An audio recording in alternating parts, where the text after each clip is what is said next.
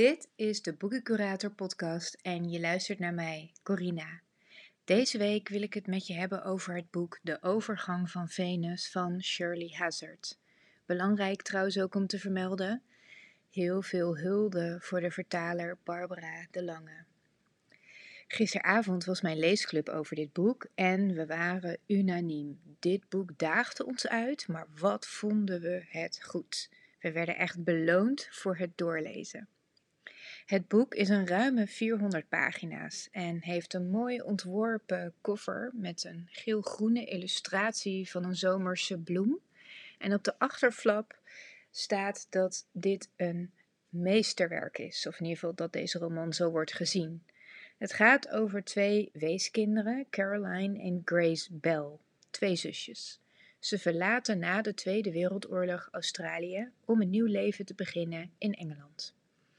De zussen zijn heel verschillend en hun levenspaden lopen ook uiteen. Ze beleven beide liefdes en uiteindelijk kruisen de paden weer. Hoewel het boek over de twee zussen gaat, zou je toch kunnen stellen dat vooral Caroline, Caro, degene is uh, die echt het hoofdpersonage is. Op diezelfde achterflap staat ook iets meer over de auteur, Shirley Hazard, uh, Australische schrijver en ze heeft geleefd van 1931 tot 2016. En wat heel tof is, um, is dat ze niet alleen maar schrijver uh, is geweest, maar ook heeft gewerkt voor de geheime dienst en voor de Verenigde Naties in New York en Napels. Nou, toen ik dat allemaal wist, dacht ik: hoppa, kat in het bakkie, want dit is een epische vertelling over twee zussen het speelt op verschillende continenten. Het is een interessante schrijver, heeft notenbenen bij de geheime dienst gewerkt. Nou, dat is een dijk van een leesclubboek voor aan het begin van deze zomer. Zo gezegd, zo gedaan. Toen begon ik te lezen. En wat blijkt is dat het niet direct een lekkere weglezer is. Ik had echt een meeslepend zomerboek verwacht. Maar dat is het ook. Maar dit boek is ook zoveel meer. Tijdens de leesclub bespraken we hoe het was om dit boek te lezen en allemaal hadden we echt wel wat moeite om erin te komen. En waar ligt dat dan toch aan? Daar hebben we het over gehad en ook over hoe je daarmee omgaat als je ineens op een boek stuit dat je wel echt uitdaagt. Leg je het weg of bijt je je erin vast? En ook ik heb vaak genoeg geroepen: als je een boek niet fijn vindt, ga jezelf het niet opleggen uh, om het tegen heug en meug uit te lezen. Joh, je zit niet meer op school. Uh, meestal. Eh, je krijgt geen overhoring over dit boek of een cijfer. Je leest toch vooral voor je eigen plezier. En um, dit is ook iets wat je heel veel terugziet op bijvoorbeeld Bookstagram. Er is ook een hashtag DNF, did not finish. En dat is echt wel iets geworden wat um, ja, bijna alsof het een soort taboe is wat doorbroken was. Dat je tegenwoordig gewoon zegt dat je een boek niet hebt uitgelezen. Ja, goed wel, vind ik. Maar dit boek en het gesprek met de andere lezers tijdens de leesclub heeft me toch doen realiseren dat het ook weer niet altijd helemaal zo simpel is. Algemener gezegd, um, ja, je herkent het vast ook wel. Als iets gewoon goed zit, dan um, heb je vaak dat het dan ook echt soort van vanzelf gaat. Denk maar bijvoorbeeld uh, aan het hele bekende principe, wat vaak in werkcontext wordt gebruikt, hè, flow ervaren. Dus als je iets doet en dan is het soort van alsof alles ineens op zijn plek valt en je vergeet de tijd, je vergeet, je bent helemaal ermee bezig. En het is niet per se makkelijk, maar het vloeit en het lijkt allemaal als vanzelf te gaan. En dat is een hele fijne ervaring. Um, en dat is zeker iets waar je naar moet luisteren. Het is een bepaalde wijsheid die je trouwens op heel veel dingen in het leven kunt toepassen. Hè? Dus je zou kunnen zeggen, bijvoorbeeld relaties. Relaties waarbij het alleen maar strijd is, ja, moet je die niet opgeven. En als je op een heel goed punt bent aangekomen in een relatie, kan het, moet het dan toch soort van overwegend vaak meer het gevoel zijn dat je goed op elkaar bent ingespeeld, dat, dat, je, dat het een beetje vanzelf gaat. Uh, en dus ook met lezen. wat je natuurlijk het liefste wil, ik hou er ook van, is je slaat een boek open, je begint te lezen en echt hop, instantly ehm, werkt het voor je. Maar ja, je voelt natuurlijk zelf ook wel dat dit niet de enige waarheid is. Dat is de grap. Want als je een frictieloos uh, leven hebt, waarbij alleen maar de dingen rimpelloos en als vanzelf gaan, dan mis je toch ook dingen. En misschien om dat gevoel te kunnen ervaren, heb je soms daarvoor wel wat hordes te nemen die je misschien vergeten bent. Ehm, kort gezegd, soms zijn er ook dingen waar je moeite voor moet doen, want dat brengt je verder. De dingen die echt waardevol daardoor ook worden, de dingen waar je je echt mee verbindt. Ehm, dus ja, tot zover even uh, deze filosofische bespiegeling. Maar het was heel erg leuk om hierover te praten met elkaar. En in de leesclub was het echt dat we zeiden allemaal. Ehm, ja, we zijn echt blij dat we hebben doorgezet. Want we werden, werden echt beloond. En wij merkten ook wel allemaal aan het begin gelijk al van. Oef, uh, even zoeken, maar ook wel gelijk zien dat het zo goed geschreven was. Dus ik denk ook als voortaan iemand zegt tegen mij: Ik heb zo'n moeite met dit boek, ik denk dat ik hem opzij leg. Dat, het dan, dat ik dan misschien eerder iets meer zou doorvragen waarom het boek dan lastig is voor je. En dan kan het nog steeds prima zijn om opzij te leggen, maar ja, met dit boek zou ik het niet doen. Um, want ja, nogmaals, wat was het nou? Wat, wat gebeurde er nou met dat lezen? Als ik uh, even bij mezelf blijf, is dat ik merkte, ik begon in dit boek. Ik las hoofdstuk 1 en ik dacht even, mm, oké, nou, ik legde me aan de kant. Ik, ga morgen verder. Nou, dat werd dan overmorgen. Ik pak weer dat boek op en ik wil verder lezen en ik merkte, nee, ik, ik zit er nog helemaal niet in. Ik begin opnieuw. En ik dacht toen zelf ook al van, oef, weet je wel, wat, wat gebeurt er hier? Ik was heel erg uh, verrast. En um, het was wat raadselachtig. En dan bedoel ik niet zozeer dat de verhaallijn raadselachtig was. Het is niet een magisch boek of zo. Het is gewoon een realistische vertelling. Maar het is denk ik vooral de stijl, de manier waarop situaties worden neergezet en beschreven. En met name hoe de personages in dit boek zich bewegen door die wereld. Dat doen ze op een manier die heel erg wel mijn aandacht opeist. Waardoor ik ja, een soort van dit boek me echt een beetje uitdaagt. Of ja, je zou misschien wel kunnen zeggen dwingt om preciezer te lezen. Ehm, even heel praktisch, wat gebeurt er nou aan het begin van het boek? We zijn in Engeland, het is noodweer ergens uh, in de country. Er staat een mooi huis en daar woont professor Thrale, een sterrenkundige.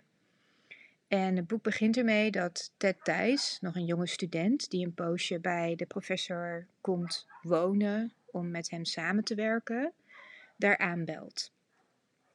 In dat huis wonen ook de zussen Caroline en Grace Bell. Daar hebben we ze. Want Grace is namelijk verloofd met de zoon van de professor.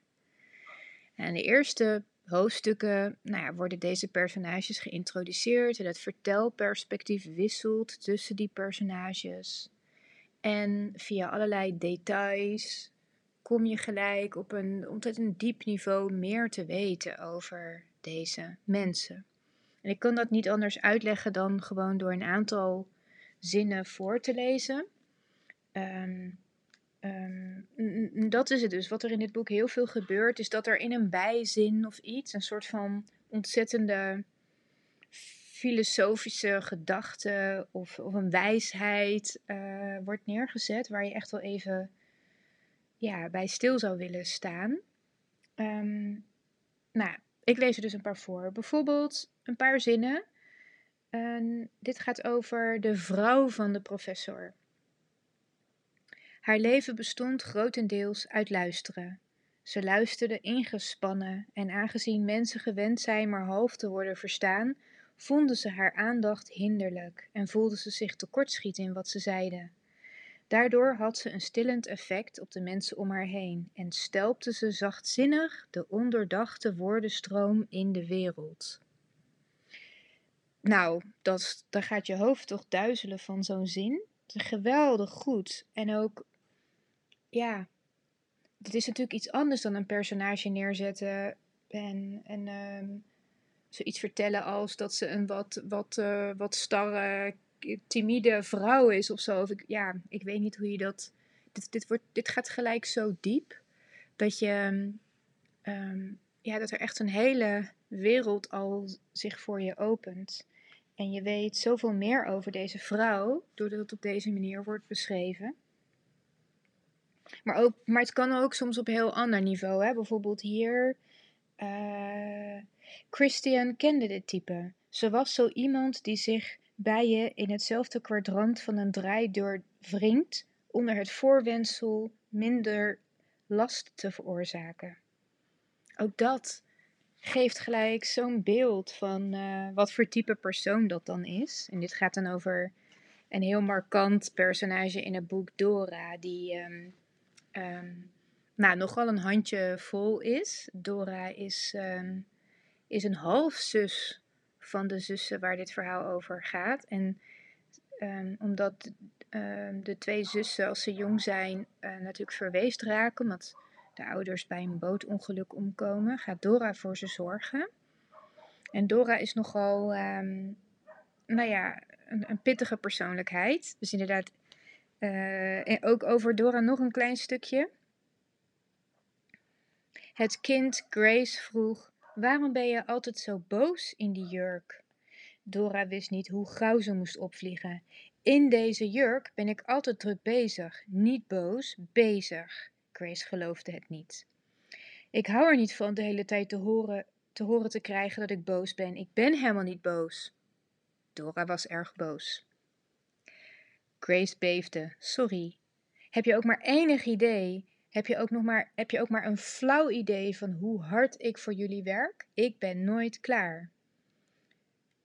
En dan krijg ik dit naar mijn hoofd, krijg ik te horen dat ik boos ben. Nou, ik zal je wat zeggen. Grace ging buiten staan huilen.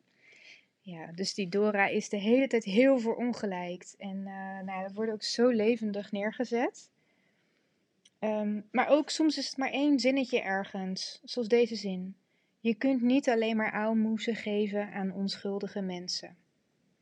Het is ook zo'n soort van grootse wijsheid. En dat al die zinnen, de manier waarop, ja, het is zo'n unieke manier van vertellen. Het is zo scherp, zo rijk. En dat maakt dus dat je daar het boek dwingt je om de tijd ervoor te nemen. Ik zeg wel terecht. Dus um, uh, ja, en dan, oh ja, en dan ook het eind. Oh mensen, het eind. Ja, daar mag ik natuurlijk, uh, daar ga ik zeker niks over zeggen. Hoewel ik dat eigenlijk dus wel heel moeilijk vind. Want, oh, wat zou ik hier, wat zou ik het hier graag met jullie over hebben. Maar goed, het is een podcast. Dus um, als je het boek gaat lezen en je hebt hem uit, laat het me even weten. Daar ben ik echt heel benieuwd naar. Um, de tip die ik nog wel mee kan geven als je op zo'n boek stuit waarvan je merkt dat het wat meer van je vraagt, maar dat je ook merkt dat het wel eens zeer de moeite waard kan zijn om daar, en als je er de ruimte voor hebt, om daarin mee te gaan, dan kan het helpen om, um, wat ik zelf heb gedaan met dit boek, is om in het begin per hoofdstuk even voor jezelf. Dat hoeft niet netjes of uh, hè, dat doet echt voor jezelf, maar in je eigen woorden, in drie regels maximaal, even op te schrijven wat er eigenlijk is gebeurd in dat hoofdstuk. Of even ook namen van personages op te schrijven. Daarmee, door dat even zo op te schrijven en samen te vatten, ja, krijg je al snel meer grip uh, op zo'n boek. Um, dat werkt voor mij heel erg goed, dus dat kan misschien voor jou ook een tip zijn. Um, dat heb ik met dit boek dus ook gedaan. En, uh, en dat maakte dat ik er eigenlijk toch snel wel echt helemaal in zat. En helemaal gefascineerd uh, was door de personages. En wat ik ook nog wel wil delen. Um, um, nee, ik wil nog eerst wat anders vertellen. nog heel even over het hele dat het een meesterwerk van een boek is. Op de achterflap staat dat. En eh, ja, ik zou het misschien wel een cultboek willen noemen. Ehm, er zijn best wel veel beroemde schrijvers die ook echt heel erg fan zijn van dit boek. En ook zij zeggen: het kostte me wat moeite om het te lezen, maar het is zo volkomen eigen en het is zo geweldig goed. En dat er ook tijdens het lezen draait dat helemaal om. En wat je dan vaak ziet is dat als mensen het boek uit hebben, dan wil je eigenlijk hem nog een keer lezen. Want mensen, dat einde. Ehm, dat herken ik nu dus ook. Ehm, toen ik het boek uit had, dacht ik: ik weet zeker dat er nog allemaal dingen in dit boek zitten waar ik nu nog overheen heb gelezen. Sommige passages snapte ik niet helemaal, maar dat is niet erg. Dus over leestaboes gesproken. Dit is er eentje die wat mij betreft ook echt doorbroken mag worden. Je hoeft er niet bang voor te zijn als je soms een stuk in een boek niet helemaal volgt of snapt. Dat is echt helemaal niet zo erg. Sterker nog, ik vind dat dus vaak juist wel leuk. Ehm, bijvoorbeeld ehm, de boeken van Alice Smith is een andere schrijver waar ik wel echt fan van ben. En diens boeken zitten vol met allerlei taalspelletjes, grapjes, filosofische lagen. Ehm, die ook een beetje, ja, als het ware tussen de regels door verstopt zitten. Dat haal ik er ook niet allemaal uit bij één keer lezen. Maar ik geniet er even goed van, want het voelt voor mij vooral alsof er een geweldige rijke wereld voor me is geschapen waar zoveel te halen valt dat ik dat niet in één keer kan overzien. Ja, dat is, ik vind dat dus hartstikke leuk. Dus zo kun je er ook naar kijken. Dus wees vooral niet onzeker als je, als je op, op een wat moeilijker stukje stuit in een boek. Uh, het is echt prima om nou gewoon rustig door te lezen. Dat, um, dat dus. Dus sowieso ben je Alice Smith fan, lees dit boek. Uh, geldt ook trouwens als je fan bent van schrijvers zoals Rachel Cusk, Lauren Groff, Nia Weijers. Um, schrijvers die op de achterflap staan ook met een aanbeveling. Michael Cunningham, Anne Tyler, Um, lees dit boek. Ben je een echte taalliefhebber, dan is dit boek ook helemaal voor jou. Hou je van een slim boek vol met hints die echt op zo'n gedetailleerde wijze op allerlei plekken in het boek weer oppoppen en uiteindelijk als een geweldige puzzel in elkaar vallen? Al die stukjes? Lees dit boek. Uh, heb je iets met Australië, sterrenkunde of de wereld van de diplomatie? Ook dan lees dit boek. Um, of ook uh, als je alleen al de volgende passage kunt waarderen, dan is het misschien ook wel eens een boek voor jou. Ik um, ja, lees even dat laatste stukje voor. Ik ga even die pagina opzoeken. Uh, dat is namelijk op 241. Zijn we? Ja, daar. Um, voordat ik dat doe, wil ik ook alvast zeggen bedankt voor het luisteren naar deze aflevering. Mocht je meer boekentips willen, abonneer je dan op de Boekencurator nieuwsbrief via Substack. En um, ja, het volgende stukje zijn eigenlijk twee fragmentjes. De eerste lees ik gewoon voor. In heel Londen waren meisjes bezig op te staan in gestreepte pyjama. Oh, sorry. In gestreepte pyjama, in gebloemde nachtjaponnen, in katoenen hemdjurken die ze zelf ongelijkmatig hadden gezoomd, of in 100% nylon met een oud vest erover voor de warmte, sloegen deze meisjes beddengoed terug en tastten naar pantoffels. Ze legden een knoop in het koord van hun kamerjas en trokken spelden uit hun haar. Ze stopten de shilling in de meter en zetten de ketel op het gas.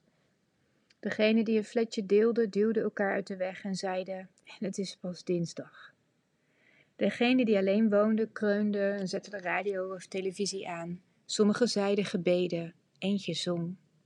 Het valt moeilijk te zeggen waar ze het minst van hadden: verleden, heden of toekomst.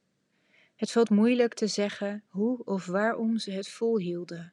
De koude kamer, het natte eind lopen naar de bus, het kantoor waar ze geen vooruitzichten en geen plezier hadden.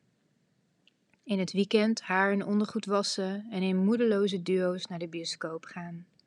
Voor sommigen, voor wie het niet anders kon, was het hun lot, bepaald door pa, moe en gebrek aan geld of ondernemingslust. Anderen waren hiervoor uit alle windstreken gekomen, gearriveerd uit Auckland of Karachi. Na jaren alleen hiervoor te hebben gespaard, na hun betraande ouders de middelen te hebben ontfutseld of afgetroggeld. Ze waren niet allemaal piepjong, maar wel allemaal, of bijna allemaal, verlangden ze naar een nieuwe jurk, een vriendje en uiteindelijk huiselijk geluk. Dit zijn dus, mm, vind ik, een fantastische passage over meisjes die in de jaren 50, hè, jonge vrouwen, of iets minder jonge vrouwen, maar in ieder geval ongehuwde meisjes en vrouwen die uh, ja, op kantoren werkten in redelijk uitzichtloze administratieve functies. En er is nog één hele grappige scène tenslotte. Uh, even kijken, dat is op pagina 192. Blader, blader, ja. Dat gaat over uh, zo'n meisje op zo'n kantoor. Valda had kort na haar komst de aandacht op zichzelf gevestigd. Haar kleine meneer Leadbetter, het hoofd van het secretariaat, was met gespitste oren en een knoop in zijn hand uit het hok gekomen om te vragen of ze die kon aannaaien. Het zou haar, schatte hij, nog geen minuutje kosten. Valda stemde beleefd toe en haalde, terwijl ze haar papieren terzijde schoof, een huisvrouwachtig etuietje met naalden en verschillende kleuren garen uit een bureaula. Met het colbert van meneer Leadbetter in onmacht op haar schoot, kneep ze één oog dicht voor dat van de naald en zat even later te naaien. Leadbetter bleef erbij staan kijken. Hij droeg een blauw streepjes overhemd, een broek die tot zijn oksels kwam, hangend aan linnen, linnen bretels, ook gestreept, die heel lang geleden op duurzaamheid waren gemaakt. Het was aangenaam zijn harnas af te leggen en de bevallige Valda te bekijken bij dit nederige, vrouwelijke karweitje. Toen ze klaar was, toen ze de draad had afgehecht, was hij dankbaar. Dank je wel, Valda. Ik ben niet zo handig in die dingen. Ik zou mezelf tot bloedens toeprikken. Het was belangrijk je waardering te tonen. Daarop antwoordde Valda, bij wie zijn welwillende gedachten weerklank vonden. Zo'n kleinigheidje doe je gewoon voor elkaar. De week erop kwam Valda zijn werkkamer binnen, waar hij een voorlaatst concept zat na te lezen, en vroeg of hij haar typemachinelint wilde vervangen. Meneer Leadbetter gaapte haar aan. Ze zei: Ik ben niet zo handig met typemachines. Hij was verbouwereerd en verstoord. Heb je nog nooit eerder een nieuw lint nodig gehad? Heb je dat soort dingen niet in je opleiding geleerd? Het kost maar een minuutje. Vraag liever een van de meisjes om het voor je te doen. Het was onbegrijpelijk. Dan krijgen ze vieze handen. Ze zei: Het is maar een kleinigheidje. Nu begreep hij het. Hij kwam zijn kamer uit en riep woedend een van de andere meisjes, de echte meisjes. Juffrouw Frenchurch heeft hulp nodig met haar typemachine. Het was de eerste keer dat hij Valda niet Valda noemde, maar het respect werd uitsluitend uit vrevel betoond. Het tweede meisje keek vlijend en schuchter naar hem en doodsbang naar Valda en boog zich meteen over de machine als over een wieg. Toen het zover was, schreef meneer Leadbetter in Valda's dossier dat ze de neiging had agressief te worden over onbenullige, onbenulligheden. De neiging had, was officieel geheimtaal voor tot het uiterste gaan. Nou, lekkere scène toch? Schets van een goed beeld. Um, ja, nog een keer heel erg veel dank voor het luisteren. Ik hoop dat je het een leuke af aflevering vond. En zo ja, um, ja, zeg het voort. En um, tot een volgende keer.